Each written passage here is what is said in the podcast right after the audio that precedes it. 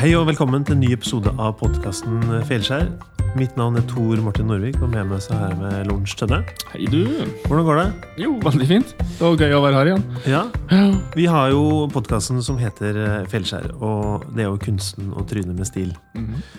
Grunnen til at vi har det, er jo for at vi ønsker å normalisere det å egentlig gjøre en feil. Mhm. Men også bare finne ut okay, hva kan man lære av det, og så gjøre en feil til, og lære av det, og så gå videre. Vi tror jo at det er for mye frykt eh, knytta til det med å ja, drite seg ut. Så eh, vi slipper heldigvis å prate om våre feil. Det har vi jo gjester til. Og i dag så er det som er litt kult i dag, at vi har blitt tipsa av flere faktisk å prate med den gjesten i dag. Og hun heter for Julia Navarsete. Og det her er noen som har beskrevet seg selv som en skoletaper. Men det er ikke lenge siden hun fikk en pris i, for ung entreprenørskap. Eller en ung prisvinnende gründer. Og hun er, jeg tror hun er leder av noe som heter for Current. Eller Riktig. leder-eier. Hvor de ønsker å jobbe med bærekraftige og miljøvennlige produkter. Og hun er en ganske, jeg tror hun er en ganske tydelig røst. Jeg tror hun er ganske klar på hva hun mener om eh, prøving og feiling. Og så er hun ganske tydelig på det med ungdommen, at de skal få et albuerom.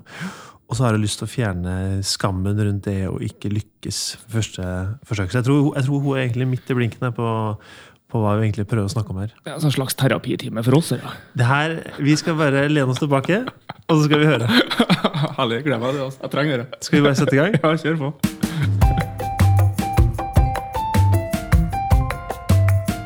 Velkommen til oss, eh, Julia, og tusen takk for at du ville komme og prate i podkasten. Tusen takk for at jeg fikk komme. Du, Nå har jeg jo prøvd å gitt en liten sånn oppsummering av hvem du er, og hva du gjør. Men kan ikke du eh, prate litt om uh, Utdype det litt mer. Hva, hva gjør du på jobben, og hvem er du egentlig? Ja, på jobben uh, så prøver jeg å utvikle altså, verdens beste lavtrykksturbin. Ja. Uh, det handler rett og slett om å kunne gjenvinne energi da, med fluider eller væsker da, i rør. Eh, med høyest mulig effektivitet. Sånn at det da på en måte er mulig å ta ut energi der det i dag ikke er mulig å ta ut energi. Så jeg tenker jo på globalt eh, sett. Eh, klima, energigjenvinning, bærekraft. Det er jo enorme mengder energi som forsvinner, som i dag ikke blir sett på som energi. Har, har du et eksempel på hvordan man tar det i bruk? Ja, eh, et eksempel kan jo være f.eks. smelteverksindustrien. da. Eh, de pumper jo ofte sjøvann for å kjøle ned eh, under drift. Eh, pumper de sjøvann gjennom hele anlegget og holder temperaturen lave. Og så går jo da energien, eh, eller vannet, rett ut igjen. da. Ja. Eh, så det bare sirkulerer. Eh, og da er det jo sånn at vi har jo gjort en del kalkulasjoner og beregninger på det. Så fant vi ut at det var et anlegg da her i Norge som eh, ved å sette på én turbin eh, fra Kørnta kunne eh, gjenvinne nok til å forsyne halve bygda med eh, strøm da, et helt år. Ja. Eh, på én turbin. Så det, det er snakk om millionervis av kroner som bare går ut hvert eneste år. da. Men hva er din rolle her, da? Er- Er du er ingeniøren? Er du, hva, hva gjør du for noe? Nei, jeg er ikke ingeniør. Eh, jeg tror ikke jeg er smart nok til å være det, rett og slett. Eh, og jeg tror eh, takket være at jeg ikke har kanskje mest mulig skolegang da, eh, i ryggsekken, så tror jeg det er kanskje en del av styrken. Eh, så jeg tror eh, Heldigvis er jeg så heldig at jeg på en måte har den eh, styrken at jeg kan sette sammen folk som er knallgode på Ja. de ulike fagfeltene sine. Så jeg slipper å være den som er god på alt, for det går ikke. Så jeg prøver på en måte å være den eh, visjonæren og eh, på en måte har eh, prosjektet og skal få det ut og opp og frem. Eh, og så må jeg på en måte i ulike faser da, eh, få på plass riktig kompetanse. Sånn at det blir et mer og mer ferdig produkt etter hvert som det skrider frem. Men du fikk jo nettopp også en pris i det å være årets unge kvinnelige entreprenør. Hva, hva, må gjøre, hva må man gjøre for å få en sånn pris? Eh, ja, da spør jeg om hva må man gjøre. Sette sammen riktig team. Ja. Ja, eh, jeg tror eh, eh, Jeg tror kanskje du må på en måte eh, og den var jo veldig spesifikt retta på eh, teknologi. Fysisk eller digital teknologi. Det er jo noe man ønsker at kvinner skal være inni. Så det er jo ganske mye. Og i tillegg når det er miljø og bærekraft og sånn, så Altså, du klikka på ganske mange bra bokser. Så check, check, check. Og Ja. da er du på en måte en kandidat til å få prisen. Men du har, da, du har jo vist Du må sikkert ha vist noe resultat, da? Eh, ja, vi har jo eh, Altså eh, Vi har jo Trondheim kommune vet jo veldig, veldig godt om teknologien vår. Mm. Eh, for den teknologien vår kunne jo bli brukt eh, i Trondheim by, da. Ja. eh, hvor det brukes rett og slett som en substitutt for reduksjonsventiler. Eh, så ja, jeg tenker at de forstår eh, og har innsikt nok til å forstå eh, potensialet i det. Så det du holder på med nå, det er i ferd med å kanskje bli en litt sånn fin sånn solskinnshistorie? Uh, ja, jeg tror det er mange skjær i sjøen før du, ser so altså før du er helt borte i sola i solnedgangen. Ja. Uh, men jeg tror definitivt med å eh, på en måte uh, forta seg litt sakte, eh, så man ikke snubla eh, mye, så tror jeg det er viktig å lage en skikkelig skikkelig god eh, fundament, en grummer, eh, sånn at huset står. ja. Eh, klok av skade fra tidligere. Eh, ja. Og da bygger vi en fin bro, vet du. For eh, vi vet jo at du har et lite kinderegg av et fuckup å, å fortelle om. For eh, du har jo nå eh, Du har jo litt erfaring, du har gjort mye og, lært mye på veien, og så vet jeg at eh, du har en, eh, en, en teknologi som du har solgt i, i Singapore, mm. hvor det ikke gikk helt sånn som det skulle. Har du lyst til å bare fortelle litt om hvilken teknologi det var, først og fremst? For du har prøvd dette før, du? Ja.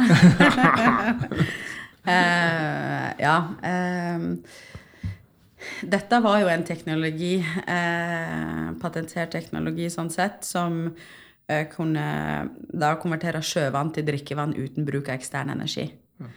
Eh, så i utgangspunktet, veldig enkelt fortalt, så var det mulig å kunne, eh, med en 20-fots container, da, eh, lage eh, drikkevann, bare sette den på hva jeg er, lage drikkevann, pumpe vann opp i en slags trakt, og så eh, ved hjelp av gravitasjon og dimensjonering på hele teknologien, så eh, ble det liksom trykksatt i 65 bar, og så kom det ut rent drikkevann i andre enden. Det får det til å høres så enkelt ut. Ja, det er at en ikke har tenkt på det sjøl. Ja.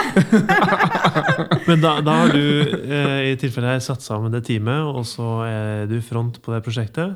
Og så er du som på en måte er den visjonære og sier at det her har jeg troa på. Nå, nå skal vi eh, skape denne teknologien, og så skal vi få det ut på et globalt marked. Er det litt sånn sånn det er? Ja, og så var det veldig retta mot eh, nød og katastrofe. Ja. Eh, det var åpenbart. Altså, det er jo orkaner, det er sesonger både i øst og vest som eh, på en måte er veldig utsatt for store naturskader. Og da ønsker vi å Ja, jeg ønsker rett og slett å kunne bistå i hvert fall med rent drikkevann, da. Og hvordan, hvordan havna vi i Singapore da, med det her? Nei, og da var det sånn at uh, i Norge uh, så er det jo fryktelig mye vann. Så vi forstår jo ikke verdien av vann. Uh, men det som er så snodig, selv om altså det, det har jeg flira mange ganger, det at her i Norge så forstår ikke vi verdien av vann, men vi går allikevel inn på bensinstasjonen og kjøpe en halvliter Imsdal til 25 kroner. Ja. Eller hva det koster. Når det er gratis i springen på do. Eh, og da koster det liksom da koster 10 kroner mer enn en liter bensin eller diesel. Eh, så da på en måte eh, Da prater vi 50 kroner literen, og så klager vi over 15 kroner literen på bensin. Så den der har aldri helt eh, skjønt. Ja, men vi er et heldig, veldig heldig land eh, som slipper å bekymre oss for det. Ja. Det er mange land som må rense vannet som du har i toalettet om morgenen. Det må du børste tennene med om kvelden. Både seks og åtte ganger før det går ut. da. Ja, og og det er sånn du måtte komme frem til det markedet du skal selge til? altså Prøve å finne de stedene som har mest bruk for rent vann? Ja, vi så eh, rett og slett at i Norge så var det håpløst å få investorer. Eh, det var tungt. Og det liksom var, det var, Markedet var jo ikke her i Norge, sant. Eh, det var andre plasser. Eh, og da havna vi borte i Singapore. Eh, gjorde vi. Og ja, var en familie der, da. Som hadde flere selskap og, og styra med flere forskjellige ting. Mm. Uh, og de var da interessert i å investere, da. Det var jo en kombinasjon av både en emisjon eh, og litt utkjøp, da. Eh, samtidig, da. Ja. Eh, så hele avtalen gikk jo i utgangspunktet ut på at de da skulle ha 60% og så ble sittende igjen med 40 og eh, alt skulle jo flyttes dit, og da ble et oppretta selskap der. og eh, kom jo over, og folk skulle ansettes, og fikk jo på en måte velge blant eh, utrolig mye bra ingeniører. Ja. det var jo egentlig en ekstremt spennende erfaring bare da å få lov å sitte og plukke så gode folk. Er det her liksom første gangen du drar internasjonalt med et så stort prosjekt?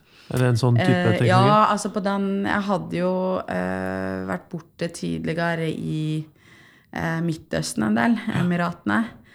Eh, men uh, av flere ulike årsaker så ble det aldri noe videre der.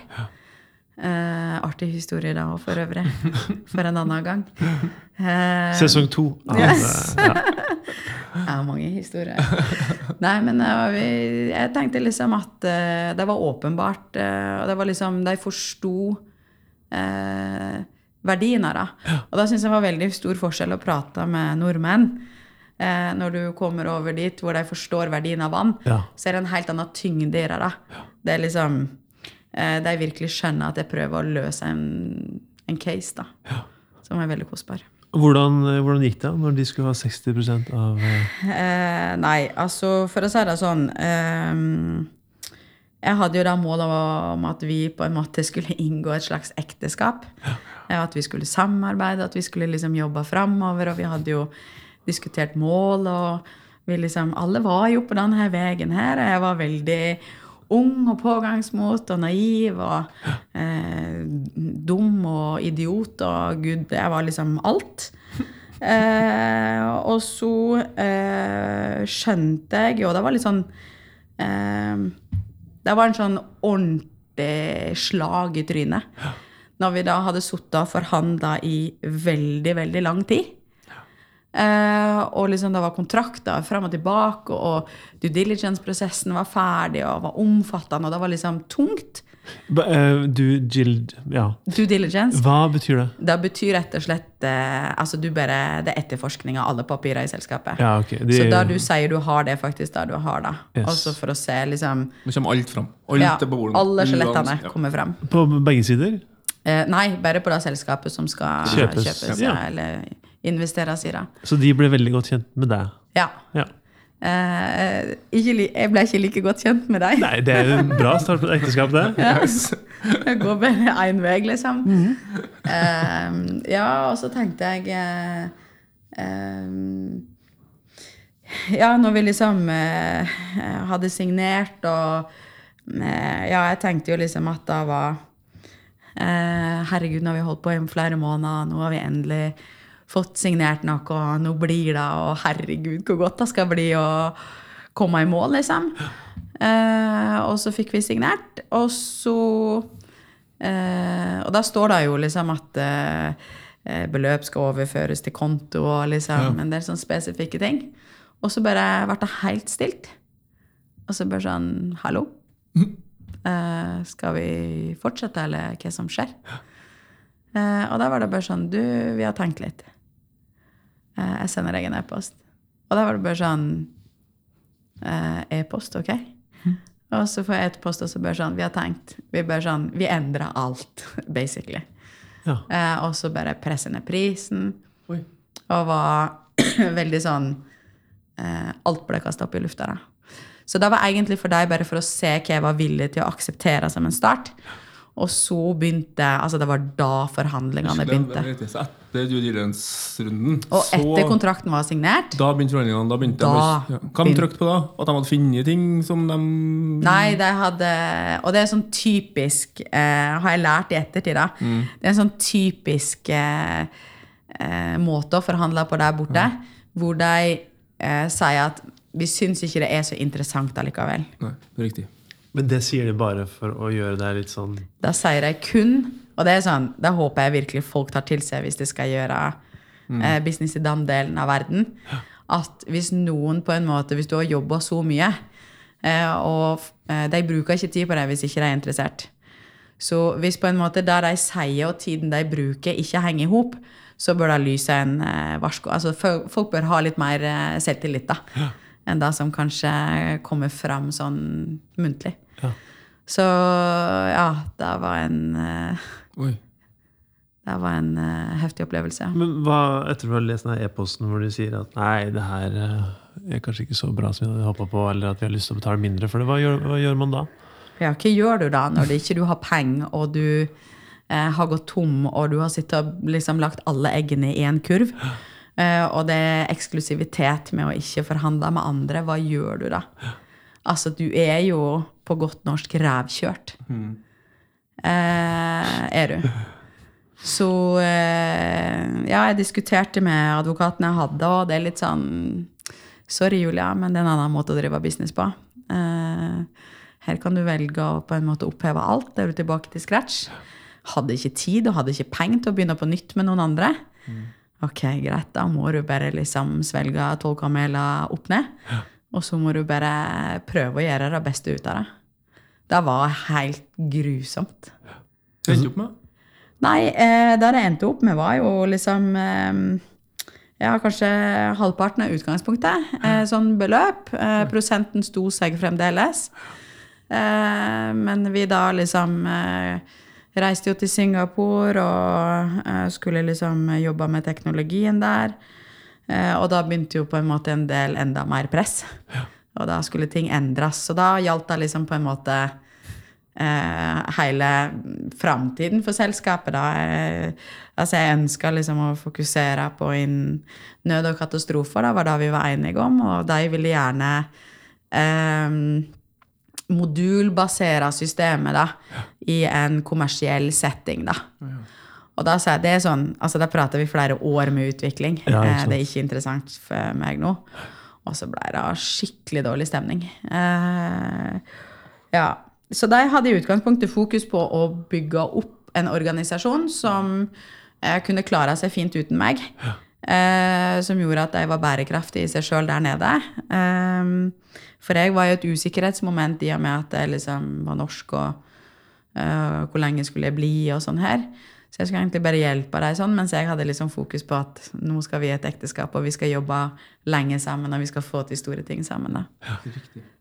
Det, det, det lukter jo at det er et slags takeover på, på gang, da. Ja, det var jo definitivt det, da, altså. Men eh, skjønte du det før det skjedde? Nei, altså eh, Det er litt sånn som når du på en måte setter deg i pirbadere på sklia. Ja.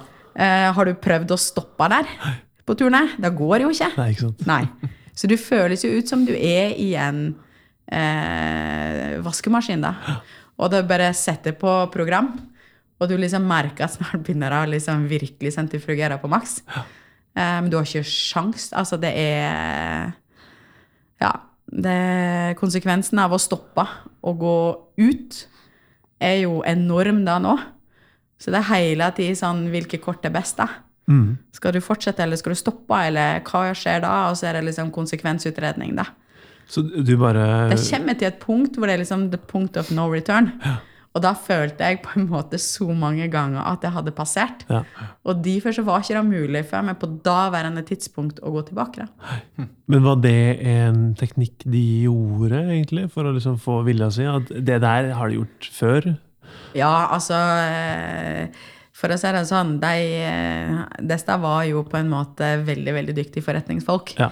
Eh, De hadde eh, Altså, det var De hadde jo andre selskap som var eh, på en måte milliardverdier i dollar, da. Eh, store globale selskap, og de hadde ordentlig peiling på hva de gjorde. Så jeg hadde jo sånn, når du ser i retrospekt, jeg hadde jo ikke sjans. Ikke fra start, liksom. Men hadde du noen folk rundt deg eller som du kunne få hjelp av? Altså eh, Denne teknologien ble jo på en måte eh, utvikla mens, jeg- mens jeg var veldig tidlig småbarnsmamma. Eh, og det begrensa med nettverket jeg hadde i Norge. Eh, Så helsesøstera hadde ikke noe, ikke, noe- ikke noe råd til å komme der. Helsesøstera var ganske ja, var kanskje ikke den beste sparringspartneren på hva gjør man der, liksom. Nei, eh, hun var, var liksom eh, Jeg følte det var ganske Barselsgruppa. Ja. Liksom, jeg... Hei, skal man teste det i Singapore? med casen her? Ja, jeg syns det var eh, Jeg syns det var liksom eh, Jeg syns det er ordentlig godt å på en måte se tilbake på det nå, og både kunne flire mm. og se galskapen og ironien i det. da. Ja. eh, på en og samme gang. Men eh, jeg fikk liksom noen sånne her små kontaktpunkt, og jeg er blitt veldig god på liksom, når du prater med folk, så har jeg lært da at um, det er veldig viktig å prate med folk, og uansett om uh, de ikke kan hjelpe deg sjøl uh, direkte, så kan de alltid gi deg navn til noen andre. Det er nordmenn veldig veldig flinke på. De sender det gjerne videre. Så det er liksom å åpne alle de navnene og alle de dørene, og alle du prater med, skal du gjerne ha helst uh, minimum ett. Helst tre navn. Og hvis du holder på sånn, så kommer du veldig langt. Eh, og da gjør jeg den.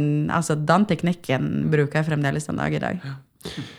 Du har jo altså fått med at uh, du har blitt uh, litt dolka i ryggen underveis i prosessen. Hva Vil du fortelle litt om det? Ja, uh, og i dette nettverket så havna vi borti da en agent eh, i Singapore. Som på en måte leide oss inn eh, dit, da. Eh, og i lag skulle finne en potensiell eh, investor for oss.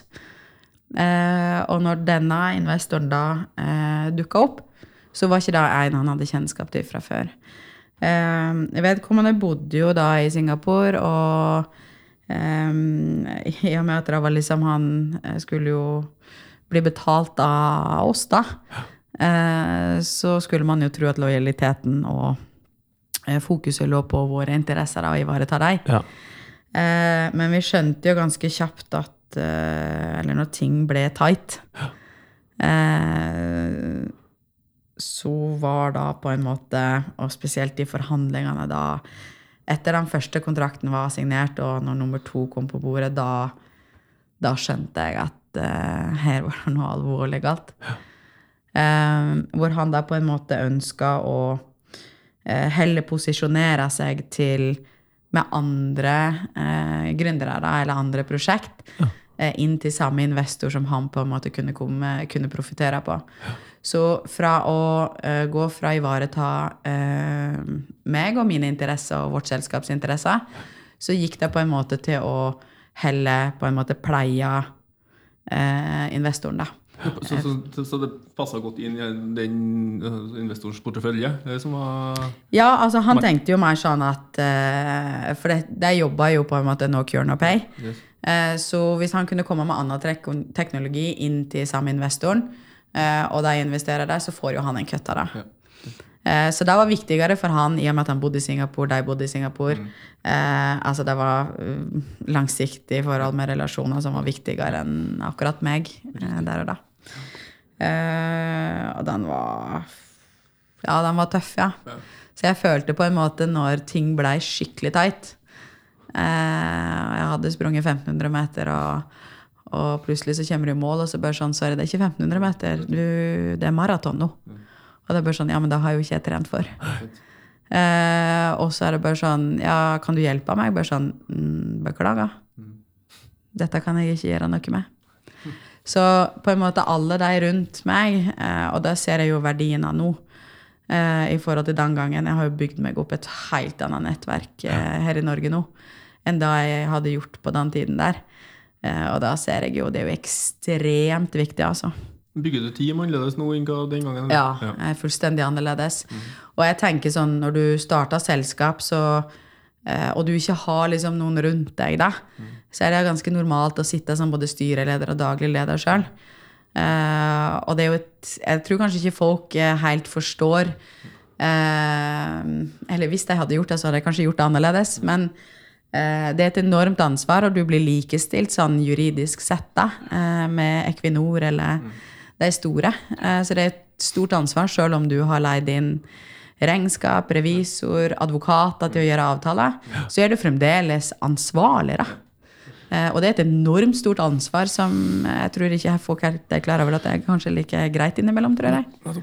Men enden på visa her, da. Du har da Hvor mye har du? 60 Nei, du har 40. Jeg hadde 40.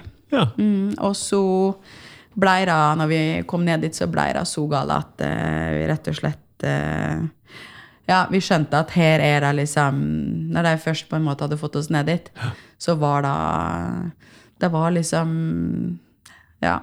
Det var litt sånn som en uh, av gatehund. Altså. Det var, her var ikke det mye å være for. Nei. For her blir det bare verre og verre. Så jeg måtte egentlig bare sette meg på flyet hjem, og eh, mer eller mindre jeg tok av derifra eh, og så på en måte flyplassen og Singapore eh, under meg, og vi letta, så visste jeg jo da at eh, på en måte jeg kommer nok ikke tilbake igjen med det første, nei. Men Betyr det at da mista du på en måte retten til din egen teknologi? Ja, eh, det ble jo sånn da. Det var jo ikke noe kommunikasjon, og det ble advokatmat, og det var Ja, og det er klart Og da tenker jeg sånn, kjære folk som lytter nå, eh, for guds skyld, ikke sett deg i den situasjonen. eh, Og begynn å tenke at hvis du får en god advokat, så løser alt seg. Det gjør Noen ganger så gjør det selvsagt det, men da skal du jaggu ha en feit konto, altså. Eh, Og i hvert fall når du sitter med en dollar- dollarmilliardær på andre sida eh, som liksom har eh, full kapasitet til å på en måte saksøke deg herifra resten av livet ganger tolv. Ikke gjør det. Vær litt smartere. Så når det her gildet var ferdig og regninga dukka opp på bordet, hva, hva hadde det betydd for deg i kroner og øre? Åh, gud hjelpes meg. Det var eh, Jeg har jo ikke holdt det på å si dratt opp alle regnskapene eh, og sittet og summert med kalkulator. Eh, men sånn røftlig så vil jeg tro at eh, det liksom er snakk om ja, 12 millioner eksterne kapital. Ah, og ja, en fem-seks millioner egne penger. da. Så jeg tapte jo mye penger sjøl som jeg i utgangspunktet ikke hadde råd til å tappe. Er det her penger som er skutt inn for å utvikle teknologien og ta med til utlandet og bare stå i prosessen? Korrekt. Ja. Men hvordan eh, det er, Og fra tidligere teknologi som på en måte før dette, og som og gikk ordentlig på trynet. da. Men de tolv millionene som ikke kom fra egen lomme, da Mm. har du på en måte solgt inn prosjektet her til andre folk og fått Mm. de til å gå inn og gi penger på det? Hva gjør da når du kommer tilbake og lander i Norge og innser at eh, fader, det her gikk, eh, gikk ikke, det? Eh, åh, jeg kjenner jeg blir eh, Jeg kjenner jeg blir ordentlig Det er mye som flasher inn i hodet nå. Altså. Det var um, Gikk vel på do og tok seg et glass vann? Ja. Ja. Eh, Gud hjelpes. Altså, man eh, Man har jo på en måte mista mye egne penger òg. Ja. Men da bryr jo ikke folk seg om. Um, og da var jo på en måte en kamp jeg måtte ta med meg sjøl. Så da var jo egentlig Og det var veldig mange som hadde gått inn med forholdsvis Altså det var snakk om eh, Det var ikke proffe, eh, profesjonelle investorer, det var vanlige folk. ja. Eh, og da gjorde på en måte at ting var veldig mye verre, da. Eh, fordi folk ville ha forklaring, og eh, det er jo å beklage. Eh, og da var liksom Da mente jeg i, fra bunnen av hjertet mitt Jeg var virkelig, virkelig lei meg, liksom. Eh, det var helt grusomt. Jeg følte jeg gjorde liksom alt jeg kunne. Eh, men det bare gikk ikke.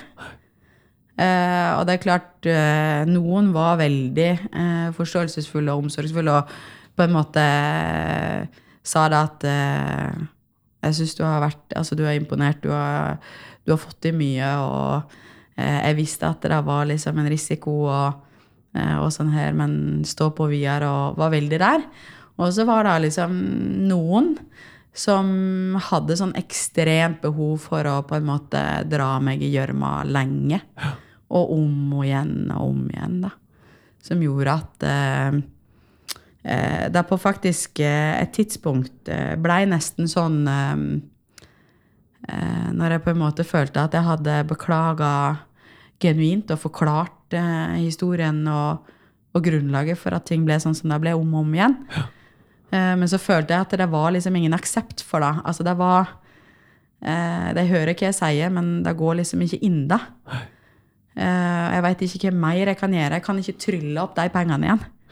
Nei, for, for hvordan reiser du deg hvordan reiser du deg opp igjen, da? Hvordan uh... Nei, det kom til et, det kom til et punkt uh, hvor denne her på en måte eh, Trykkingen, da. Eh, det kom til et punkt hvor da bare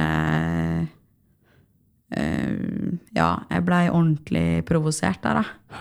Jeg syntes det var skikkelig ufint, og det hadde på en måte ikke noe lenger med meg å gjøre. Eh, Men det var rett og slett når jeg prøvde å reise meg og brukte lang tid på å på en måte fordøye alt jeg hadde vært igjennom. Og hvorfor ting gikk som det gikk. og sånn her var veldig viktig for meg å finne ut av. Hva kunne jeg ha gjort annerledes? Hvordan kunne jeg ha merka ting før? Eh, Prata med mange andre som kanskje eh, Og alle er jo ekstremt smarte i etterpåklokskapen. Ja, Da veit jo alle fasiten. Hvorfor gjorde du ikke det, da? Ja, men eh, det er liksom Da tenker jeg sånn eh, det, er, det er helt ok at folk på en måte er det, Ja. men det sier på en måte mer om deg da enn det det gjør om meg. Eh, når jeg er åpen og ærlig om hvorfor ting gikk som det gikk. Mm. Så det kom til et punkt hvor jeg kjente at uh, det var liksom, nå er det nok. Uh, jeg har behov for å komme videre. Eh, mens eh, flere av dem da ikke hadde på en måte aksepta. De følte sikkert at jeg eh, ved å gå videre og reise meg og prøve igjen, eh, at det på en måte kanskje strødde litt eh, salt i sårene. Eh, Det er jo egentlig interessant, for du skal, også, du skal liksom bære din egen fuckups, men du skal også bære at hva de andre tenker at du har eh, gått på trynet også. For du må jo, eh, som du sier, du kan jo selv komme deg opp og ut av det, men hvis det står andre folk og peker på deg og hakker på deg at nei, nei, du er ikke klar ennå til å liksom eh, bote for fuckupen ennå, du må fortsatt være litt ned i myra, så jeg, jeg skjønner jo at det, da blir prosessen kanskje mye lengre. Ja, og det, det lærte meg ekstremt mye om folk. Mm. eh, psykologi, eh, hvordan mennesker fungerer i medgang og i motgang. Eh, ja, og det lærte meg òg at eh, jeg skjønte på en måte at hvis jeg skulle på menn og Problemet, altså det som var ekstremt en stor sorg for meg, det var jo da at eh, det var gjerne mange av de nærmeste da, som gjorde dette med meg. Det var ikke folk langt unna.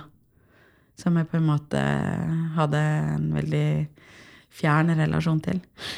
Da, Eh, Ja, ikke sant? For Hvis du har, hadde et eh, begrenset nettverk, og du skal ha penger, så Mm. jeg skjønner jo det at da går man jo til folk som eh, man har rundt seg. Og, og du klarte jo sikkert å selge inn med entusiasme og overbevisning, så da er det jo Man vil jo gjerne være med på det og Mm. sørge for at du lykkes, og det er jo kjempegøy å være med på turen opp, og så er det helt forferdelig når du ser at å ja, der forsvant de pengene, ja.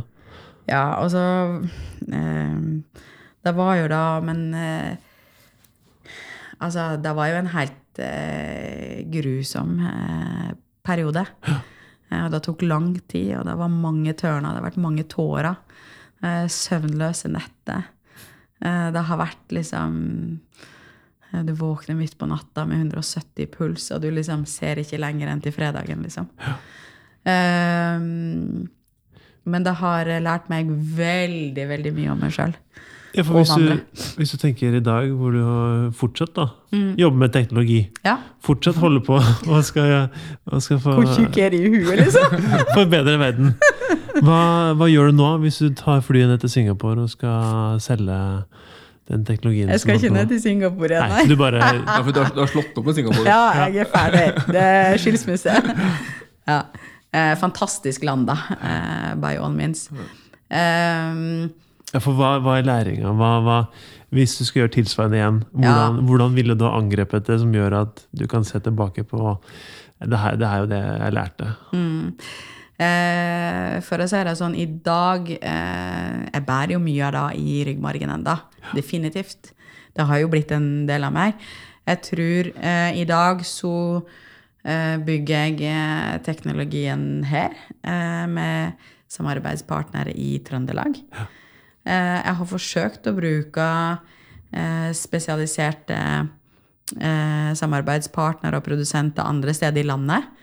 Eh, det viser seg at til og med da er for langt unna. Eh, å gå fra et fylke til et annet. Så nå har jeg eh, virkelig jobba med å holde alt innenfor Trøndelag. Ja. Og det er jeg veldig, veldig både stolt og fornøyd med, med i forhold til ja, Innovasjon Norge, som har vært helt fantastiske. Og støtte opp om lokalsamfunnet, da. Men bygg en sterk eh, kompetanse rundt deg med nettverk. Eh, få samarbeid med dyktige eh, produsenter hvis du har et fysisk-mekanisk produkt. Eh, og eh, bygg sterke allianser her, her hjemme. Og før du liksom begynner å gå utenlands, så bygg opp verdi i selskapet innahus før du springer rundt i naboene. Så regner jeg med at du setter lojalitet og ærlighet ganske høyt. Åh, det er mm, For meg eh, så er det Jeg har lært på en måte eh, Jeg mener at folk generelt verdsetter ærlighet og direkthet eh, altfor lavt. Eh, det er helt grusomt noen ganger å høre sannheten. Eh, så lenge, altså Forutsetningen er at det skal være konstruktivt. Da, da må det være åpenbart. Men eh, det er en virkelig en gullgruve av en verdi som eh, folk burde sette mye, mye, større pris på. Eh, ærlighet og tilbakemelding, og ikke minst eh, det der med å eh, skjønne at eh, kanskje de som er de nærmeste, eh, og skal på en måte passe på deg, kanskje ikke eh, Altså selv om de mener godt, så gjør ikke det godt. Eh, for da å vokse og gro eh, og gjøre fuckups og feile og snuble og reise seg igjen, eh, det er en vekst eh, som på en måte eh, Man må la det skje. Eh, og folk vil jo gjerne ikke stå og se på og la ting skje. Eh, men man kan veilede og støtte underveis. Eh, men det er viktig å støtte og noen ganger la ting bare få lov å eh, gå til helvete hvis Altså spesielt på ungdomsnivå, da. Eh, min alder, sorry, men det, jeg har ikke da rommet der lenger til å liksom, Så jeg eh, er mye smartere nå og tar eh, eh, Hvis vi har lagt en strategi, for eksempel eh, og da tenker jeg jo sånn nå i forhold til det som skjedde i Singapore. Hvis du har en strategi og et mål, altså ikke vær så låst i den forretningsmodellen at da er det eneste, liksom. Eh, snur jeg hele tida. Eh, smartere i dag enn det jeg var i går. Ja. Eh, spør folk ting, altså Ny informasjon kan dukke opp som gjør at du må se på ting helt annerledes. Og gjør det. Ikke vær så låst, for da kommer du til å gå på ræv lenger fram. Ja. Hvis du ikke snur deg i dag, så gjør du det om tre måneder. Så um, selv om investorer gjerne kan Altså, investorer vil jo gjerne ha ting veldig låst og forutsigbart og I modul, moduler. Ja, det må liksom det må være en plan herifra og tre år fram, og den skal slavisk følges. Eh, men de skikkelig gode investorene de skjønner da at før du kommersialiserer, så er det hurra meg rundt opp og ned 45 ganger før du er på startstreken. Eh, og da er på en måte Jo mer salto mortaler du tar, eh, jo mer har du tygd igjennom alt. Mm. så det er veldig, veldig positivt. Eh, og det er en sånn inkubatortid hvor du skal gjøre det. Ja, For du er jo ganske aktiv i Ungt Entreprenørskap. Du er jury der. Ja. Og du snakker jo om det om at vi må gi ungdommen mer albuerom. ja, det er ekstremt viktig. Hva, hva legger du i det? Eh, nei, nå har jeg jo vært med Ungt Entreprenørskap i over tre år. Eh, det er utrolig givende, da. Jeg ser veldig mye av meg sjøl i mange av de ungdommene. Eh, var jo et mareritt å ha som elev, tror jeg, på skoletida mi. Eh, alle mulige bokser som jeg skulle inn i. Altså, jeg hadde jo sånn, føltes jo som et tvangstrøye. Ja. Eh, og hadde jo behov for å på en måte gjøre ting på min egen måte. Eh, og så jo definitivt verden på en helt annen måte enn da mine andre medelever gjorde det. Eh, og derfor så tenker jeg at hvis jeg hadde hatt mulighet som barna eller ungdom å kunne ha eh, sett andre eh, i, ja, som har utvikla ting, eller som kunne vært en motivasjon for meg, da. Stått fram og på en måte sagt at uh, det er helt normalt eh, å gjøre feil, og du skal gjøre sinnssykt mange av dem. Og jo flere du gjør, jo bedre blir du da. Eh, for i skolesamfunnet så føler jeg at det er veldig sånn eh, to streker under svaret på alt, og det er bare én mulighet til å komme fram til riktig svar. Eh, og det er sånn det skal være. Og så tenker jeg sånn Jeg veit ikke om jeg har blitt noe smartere av å kunne analysere Ibsens verk. Jeg veit ikke om jeg på en måte om det gjør meg til et bedre, mer kvalifisert medmenneske i voksen alder. Um, så jeg tenker liksom, hvis du kan lese og skrive og regne og, og gjøre en del sånn eh, praktiske ting, så tenker jeg det er ganske mye annet. Jeg skulle ønske man hadde fått inn på timeplanen eh, i, Kanskje en På bok skolen, om kulturforståelse i Singapore?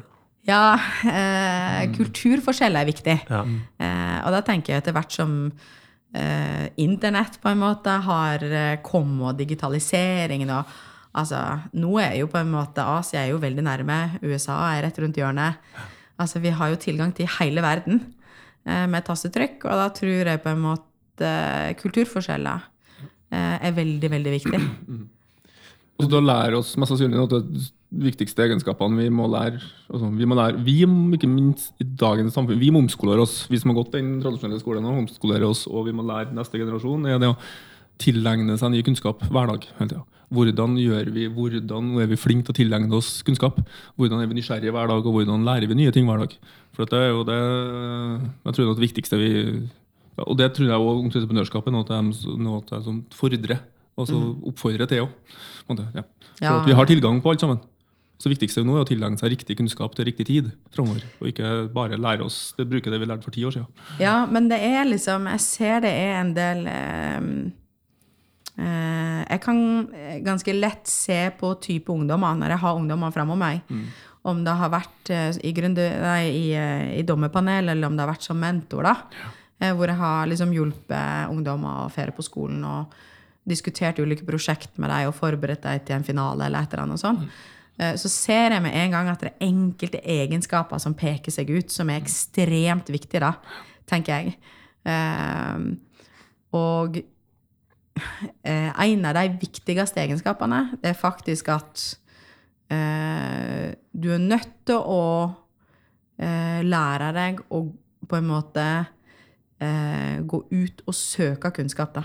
Sånn at da som da, Når jeg var barn, så var jeg jo en pain in the ass eh, for de voksne rundt meg. For jeg spurte jo hele tiden hvorfor da, og hvorfor da, og uh, hvorfor da, og liksom Altså, jeg ville forstå bakgrunnen for hvorfor ting var som det var. Så jeg bare sånn, å, slutt å mase, det er bare sånn. Eh, og i dag, nå når jeg er så voksen som jeg er nå, og kan leve av å stille de spørsmålene, det er jo eh, fantastisk, altså. Og Da tenker jeg eh, eh, eh, det er kjempeviktig å på en måte ikke kneble ungdommen eh, med fasit og skolebøker og sånne ting, men å la dem få lov å forske. da. La dem få lov å Ok, hvis du har lyst til å liksom finne ut mer om det, gå all out. Eh, finn ut masse. Og uansett om du på en måte ikke finner ut det du egentlig ønsker å finne ut, så finner du ut sinnssykt mye andre ting eh, som du kan ha med deg i bagasjen videre. Så jeg tenker selv om det er feilskjær og fuckups og sånn, herregud, for et verktøybelte jeg har. Eh, og da som nå, ti år seinere, på en måte eh, ser i tillegg til å stille det samme spørsmålet til ti forskjellige mennesker, og så kan jeg på en måte ta min egen fasit på bakgrunn av det, eh, så tenker jeg jo at eh, eh, da mange gjør feil. Fordi de ikke har nok verktøy i beltet sitt. da. Det er rett og slett at de har ikke gjort mange nok feil fort nok. Eh, Så de veit ikke De greier ikke eh, strategisk se frem i tida. Eh, Og der er det veldig liksom Nå føler jeg jeg har en ganske heftig grunnbase, hvor jeg kan på en måte si at hvis du velger den måten, så kan da, da, da, da skje. Eh, og er du smart da, så gjør du sånn og sånn og sånn. og sånn. Eh, så da tenker strategisk og langsiktig, hvor du omtrent kan forutsi hva som vil skje, basert på menneskelig oppførsel og basert på marked, eh, produkt, nisje. Altså det er mange ting. Men langsiktighet i all kortsiktigheten vi i dag har, det tror jeg er kjempeviktig. Altså. Men du, sa, du nevnte noen tall, eh, noen millioner og kroner i stad. Var det andres penger? Ja, det Ja. var andres penger. Det er litt Dessverre. interessant. Ja, det er litt interessant. For der er jo, kan jo være noen som nytter på, eller andre som har enten er på vei til å bruke opp andres penger, eller mm. gå på en smell, eller har gjort det. Hva, for da får du en annen dimensjon i det, um, med at du òg skal forsvare ting overfor andre. Hva har du lært av det? For det er jo altså, det er en fuckup som faen, det, å bruke, bruke opp andres penger. Ja, det er et helvete. Ja? Og det, Og spesielt siden det Og så sier jeg jo sånn eh, eh, Bruk alltid family, friends and fools. Eh, og family and friends, det er bare sånn, det gir du bare faen i. Eh, det gjør jeg aldri, aldri igjen. Jeg har gjort, det. Jeg har gjort Ja. det en gang, Ja. eh, og da gjør jeg aldri, aldri igjen. Eh, Hva gjør skjedde jeg da? ikke. Eh, det var på en måte eh, når, du, når jeg starta som gründer, så visste jeg jo ikke om Jeg måtte jo på en måte lære alt sjøl. Eh, og syns jo ideen var kjempegod og alt mulig sånn. Og så eh, har jeg jo, hadde jeg jo andre venner og, og altså folk rundt meg. eh, så, og familie som på en måte mente at ja, det var en god idé. Eh, vi satsa penger på dette her. Eh, og så gikk jo det på ræv. Eh, og da blir det litt sånn Det er alt min feil. Og så tenker jeg jo sånn Ja, eh, det er klart det var jo min feil. Eh, mye av det. Eh, men andre har jo på en måte òg et ansvar. Eh, for å si nei, dette tror jeg ikke er så smart. Hva er bakgrunnen hennes? Har hun gjort ting før? Eh, og det er jo veldig interessant å se at i Silicon Valley så er det sånn folk investerer ikke i det hvis ikke du har hatt i hvert fall to, helst tre fuckups. Eh, mens her i Norge så er det sånn å fy faen, har du hatt konkurser før? Nei, da må man bare holde seg langt unna. Og så tenker jeg sånn, herregud, hvor mye læring det er. Det er jo en ekstrem læring. Eh, og jeg veit jo nå hva jeg er bra på, og hva jeg overhodet ikke er bra på. Eh, og det er kjempeviktig, altså. Men hvis det er noen som nå har tapt andres penger, hvilke tips og råd har du da? Eh, det er jo mange som taper andres penger. Ja. Eh, det er det jo definitivt. Det ser jeg jo her i Gründer Trondheim òg. og eh, det som er tips og råd ja. Vær ydmyk på det, og vær på en måte Ha respekt for det. Eh, og bygg relasjoner og nettverk, da. Eh, over tid, og underlov å overprestere. Eh, og sørg for guds skyld å få med riktige folk altså på reisen. For da tror jeg eh, Da hører jeg med mange WC-fond. det sier da at det er liksom team, team, team, team. Eh, og der er det faktisk forskjellen på Du kan ha et knallbra produkt og et dårlig team, og da gå på ræv. Eller så kan du ha et halvgodt produkt og et knallbra team, og så blir det en kjempesuksess.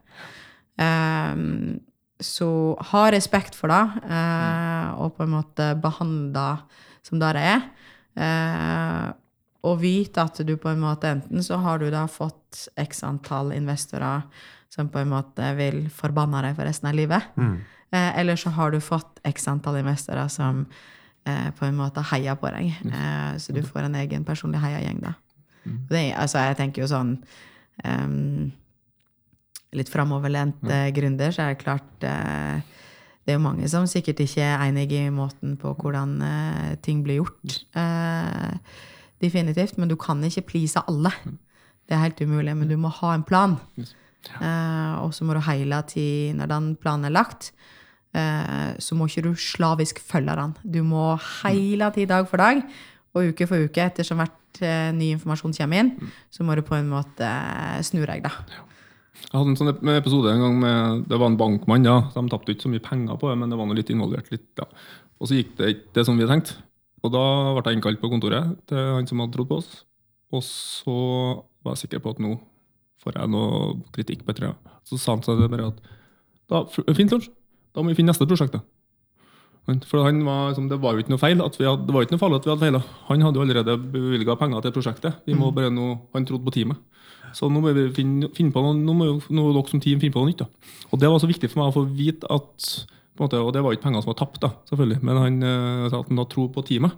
Og det ble, ga meg helt sånn enorm eh, sjøltillit videre på dette her, det har, ideen hadde noen grobunn. Eller teamet hadde en grobunn. da. Ah, fy søren. Da, må jo, da har jo du vært ekstremt heldig. Ja.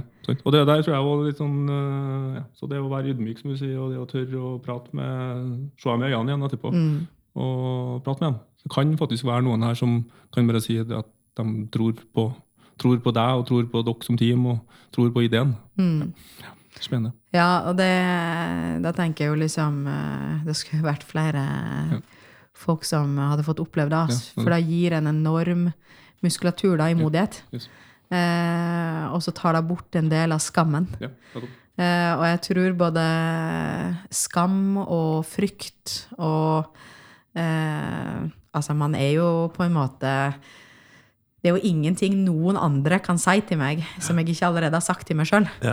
Eh, Så det er ingenting altså, Du må gjerne skjelle meg ut og bli rasende på meg, men jeg har gått den rundt med meg sjøl så forbanna mange ganger at det er liksom Og da kommer ingenting godt ut av det. Eh, Så jeg tror kanskje Husker du den gangen du klarte å kontrollere liksom, skammen? At du klarte å eie en sjel og si at vet du hva, det her er ikke det som skal stoppe meg fra å hive på med neste prosjekt? Ja, jeg tror det var eh, Skammen og skammen Det var kanskje ikke der jeg følte at jeg fikk virkelig tatt skammen ved horna, da. Hei. men jeg følte da, etter å ha mislyktes første gang, så følte jeg liksom en enorm trang for å rette opp igjen feilene jeg hadde gjort. Eh, og på en måte ble drevet bedre da.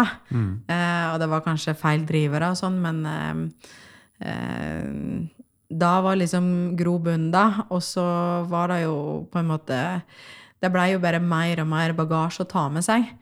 Og da hemma jeg ekstremt mye eh, i å få til ting framover, da, når du hele tiden tenker på fortida. Eh, så jeg Jeg var på et seinere tidspunkt jeg på en måte virkelig måtte ta et oppgjør med meg sjøl, da. Eh, og på en måte bli ekstremt selektiv, både i folk jeg eh, omgikkes med, eh, og ikke minst og hvor mye bagasje man skulle dra med seg. da. Hvordan, hvordan ser det oppgjøret ut? da? Hva, er det på en måte en metode som du går gjennom, eller eh, setter deg ned og tenker ok, det her er folk som jeg ikke skal jobbe med, det her er tanker som jeg ikke skal tenke på? Hvordan, hvordan kan man liksom bare velge bort eh, de følelsene? For det er jo ekstremt naturlige følelser å ta med seg inn. Det er jo, det er jo en ryggmargsrefleks egentlig på og nå har jeg gjort noe galt, og nå er folk sinte på meg. Det er jo helt naturlig at man skal føle noe på det. Ja, fy fader, det har vært Jeg har ikke tall på hvor mange tårer eh, jeg har grene, hvor mange søvnløse netter. Våkna midt på natta med 170 i puls. Eh, tenker på liksom om det hadde vært best å bare egentlig dødd. Eh, og hvor mange som på en måte ønska meg eh, til helvete og tilbake, liksom. Ja. Eh, og ikke ønska meg noe godt. Eh, eh, så jeg tror ikke det er Det går ikke an um, For å si det sånn, jeg kunne ikke ha lest noen bok om hva jeg har erfart de siste ti årene. Det er ikke noe du bare kan lese deg opp til, og så kan du det. Nei. Det er det som er så eh, Det med å eh, på en måte stå i mye drit, da. Og være gründer og ta tøffe valg og upopulære valg. Eh, det handler rett og slett om å, praktisk læring, da. Du må feile sjøl, og du må gjøre det sjøl. Eh, det er som Bjørn Eidsvåg sa i en veldig melankolsk sang. Du må, veien må du gå sjøl. Ja. Eh, hva står der i lag med deg? jeg?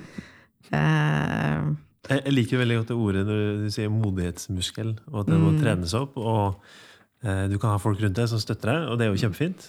Men det, du beskrev deg selv som en skoletaper og var lei og ikke klarte å eh, egentlig ha noe interesse sikkert om å gjøre lekser og syntes at ting var bare slitsomt. Og så ifra å være det, så har du gått over til å være ganske modig når det kommer til det å hoppe på nye prosjekt, selv om det har gått ræv.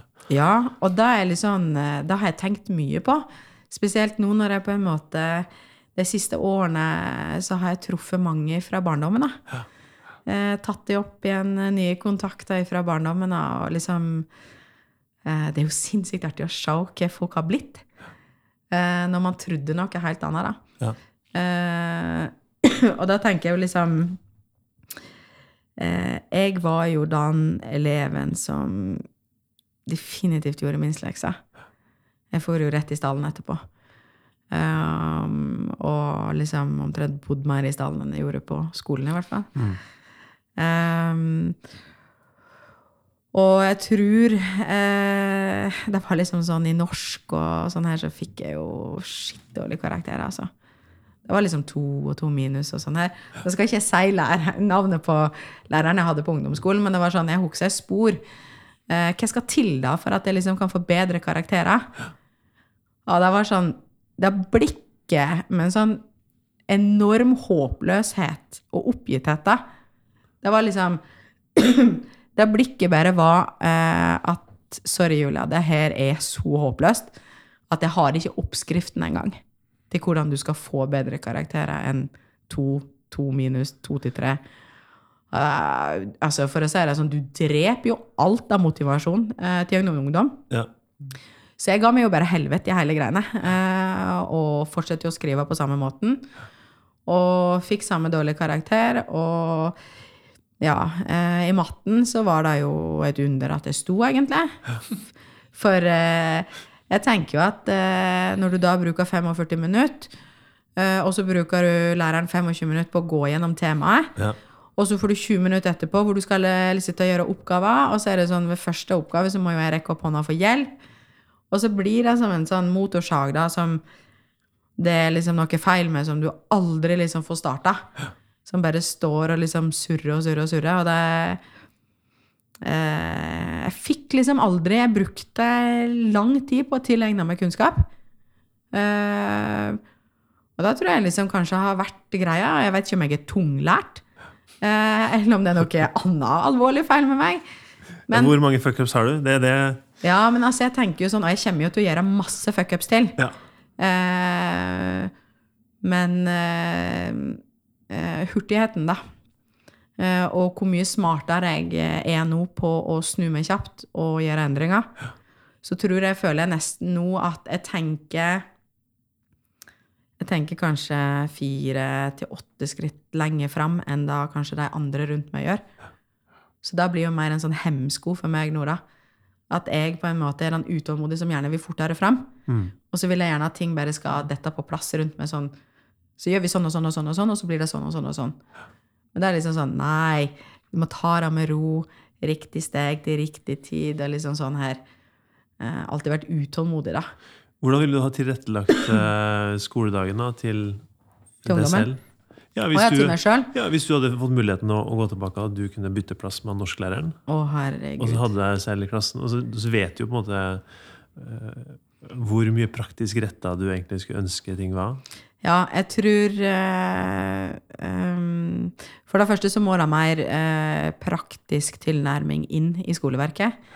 Um, og så tenker jeg sånn Hvis du hadde hatt hele ungdomsskolen og hele videregående, altså seks år, eh, hvor du kunne ha gjort masse tabber og masse fuckups, uh, og på en måte testa og feila og prøvd om igjen og forsøkt igjen. Og sjøl om du går på ræv, så har du, du har et hjem å gå til, du har mat på bordet, eh, du har liksom eh, Alt er trygt, så du kan på en måte få rom til å gjøre så mange feil du overhodet kan. Ja. innenfor visse rammer, selvsagt. Men jeg tror hvis man kunne ha sagt at eh, målet med dette kurset, eller målet med dette, eh, disse timene, er rett og slett at vi skal prøve å feile så mye vi kan. For da lærer vi masse av. Ja, hvis du har gjort det i seks år, så blir du jo ekstremt god på å feile. Og du har lært deg sinnssykt mye som du ellers ikke hadde lært hvis alt bare var to streker under svaret hele tiden. Så jeg føler at kart og terreng ikke henger i hop. For på skolen så lærer du at alt er to streker under svaret, og det er en formel på alt. Uansett om det er norsk eller matte. Og så, så er det sånn adjø, nå er du ferdig på videregående, lykke til med livet videre. Og så er det sånn ingenting har jo fasit. Ingenting har jo to streker under svaret. Så, Du får til og med feil i matte hvis du har fått rett svar, men, men feil, feil, formel. utregning. Ja, utregning, ja. Og det, bare det syns jeg er sånn paradoks. da. Mm. Det ikke godt nok å komme fram en gang til det, det svaret. Men da har du jo juksa. Ja, det har du tenkt sjøl. Ja, men det er jo sånn at liksom Og i, i livet så eh, Ja, du kan på en måte juksa på skolen og eh, i fag og sånn her, men du kan jo ikke juksa i livet, liksom. Jeg kan jo ikke juksa meg unna eh, ting i hverdagen. Eh, og så tenker jeg at det er Hvis vi skal på en måte kreve av ungdommen, da, at de skal bli modigere og prøve å, feile, så må vi på en måte ha noen forbilder som kan stå i bresjen for det, og fucke opp ting. Um, og derfor er det på en måte uh, viktig å, å være at du har noen ansikt på det. Det var en som sa til meg en gang, en kollega en gang at voksenlivet var ikke så kult som jeg trodde. Nei, det er jo ikke det. Ja, jeg Det er jo så- jeg det var jævlig tøft. Jeg synes det var så fint. Liksom. Vi, vi lærte opp til å tro at voksenlivet er så ja, flott. Og så bare Hæ, er det her voksenlivet? Mm. Det var ikke så kult som jeg trodde. Nei. Nei, altså, voksenlivet er definitivt ikke for, uh, for sarte sjeler. Det er jo knalltøft. Uh, er det jo, det er klart uh, Hvis du har på en måte valgt noe utenfor et veldig forsiktig liv, da, hvis man kan si det med åtte til fire, ansatt i en trygg, god jobb, eh, og ha veldig sånn A4-liv, og du velger på en måte noe helt annet, så er det klart eh, Prosenten og sjansene for at du fucker til ting, og at ting blir tøft, den er mange ganger, da. Men det blir mye mer spennende. Yes. Jeg ville jo ikke bytte det ut med noe. Jeg tenker jo at jeg hadde jo vært ekstremt mye fattigere da, hvis jeg ikke hadde gjort de feilene jeg hadde gjort. Og da var et sånt vendepunkt for meg som kom for noen år siden, hvor jeg fant ut at eh, eh, andres meninger Ja, jeg hører på det, jeg lytter til det, og sånn her, men jeg kan jo ikke kontrollere det på noen måte. Jeg får ikke gjort noe mer annet enn å på en måte være tro med meg sjøl og hvem jeg er. Og så får jeg bare gjennom handling og sånn vise hvem jeg er. da. Eh, og tok eierskap til at den eneste jeg på en måte har kontroll over, er meg sjøl. Mm. Og så må jeg stå i det jeg eh, på en måte har bidratt til sjøl. Fint. Du, tusen takk for at du ville dele med oss. Tusen takk for at jeg fikk komme. Eh, Lunsj, skal vi prøve oss på en oppsummering? Nei, det får du gjøre. Hva har du, hva har du hørt og lært? Mm, altså, jeg satt veldig sånn tenkte at på et tidspunkt så tror jeg vi mm, kaller podkasten her for lærdom i stedet for feilskjær. da. For vi har liksom språket vi har i dag på det temaet vi snakker om, med fuckups og feilskjær osv. Og, så videre. og det er jo liksom beviset på at vi altså det å ha lært gjennom sånne prosesser, som vi kaller dag fuckup, mm.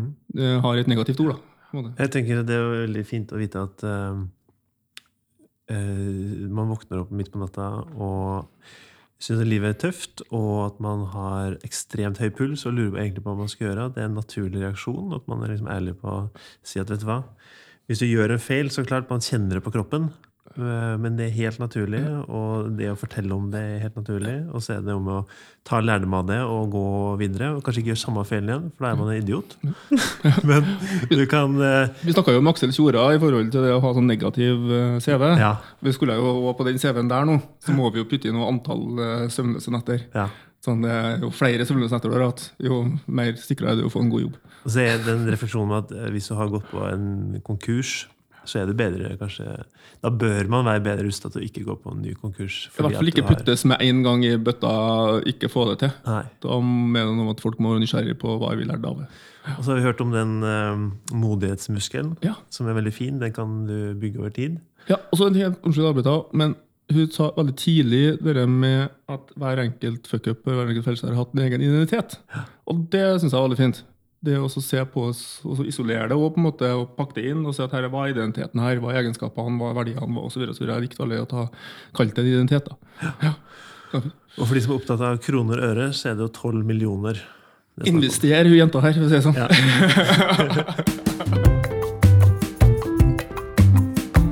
Da har vi kommet til avskjedsgaven, hvor vi snakker om hva er det som har gjort deg glad den, eh, den siste uka. Så da kan jeg snakke med deg, Julia. Hva, hva er det som har vært et lyspunkt den siste uka? Eh, lyspunktene som gir meg mest verdi, eh, det er faktisk eh, Jeg har virkelig, virkelig lært å sette pris på og putte eh, på gledeskontoen eh, gode, varme klemmer. Ja. Det skal jeg få etterpå, for å si det sånn. Ja, men eh, det er faktisk litt snodig, for det er enkelte mennesker som er ekstremt gode på å gi gode klemmer. Eh, og styrelederen min er Einar Ei, Jarl Aune. Eh, han eh, gir virkelig klemmer med mening og omsorg. Eh, og det er vanvittig godt. Da fyller på batteriet helt enormt. Og så er det litt snodig, for jeg har eh, to andre. Eh, og begge bankfolk. Og det er litt sånn eh, litt betenkt på, da. Um, men det er Arnstein Hellem eh, i Sparebanken Midt-Norge. Um, han gir ekstremt gode, rause klemmer. Eh, så alle må gå og få en klem av Arnstein. Eh, og prøve det. Eh, og så er det eh, ei som heter Stine Oldervik, som bor Nei, som jobber i DNB. Eh, hun hadde sånn eh, Klemmene bare vare og vare og vare. Ja. Og det undervurderte jeg, eh, syns jeg, i kalde Norge. Eh, hvor mye en eh, god klem med mening Ja. eh, og hjertevarme faktisk kan fylle opp. Så um, jeg lever ganske godt på de klemmene, ja. Og så er det Ja. Så tenker jeg at um, eh, Når folk på en måte er litt rause eh, Og så gir det veldig mye glede og varme, altså. Ja, Det var et kjempetips. Da må vi bare oppsøke banken og få klemmer. Ja. de, de har gode klemmer i banken. Et lite lån og en kjempevarm klem. Fint. Det er fint. Du har lunsj? Du, eh, jeg plukka opp et eh, tips som du Tor Martin, ga for ikke så lenge siden, som gjorde meg glad, og det var å se Afterlife med Ricky Rines på Netflix. Det var en fin serie. Så takk for det tipset. Det var bra. Ja, ikke den veldig fin? Ja, veldig Og veldig litt sånn menneskelig og varm og trist Ja. og morsom og alle, alle følelser. Yes. Jeg har eh, Åh, det er så teit. Det er superteit. Men eh, Neida. noen ganger så trenger man bare å se på noe som er ordentlig søppelete. Bare for å koble helt av. Se på noe som bare ikke krever noe som helst hjernevirksomhet.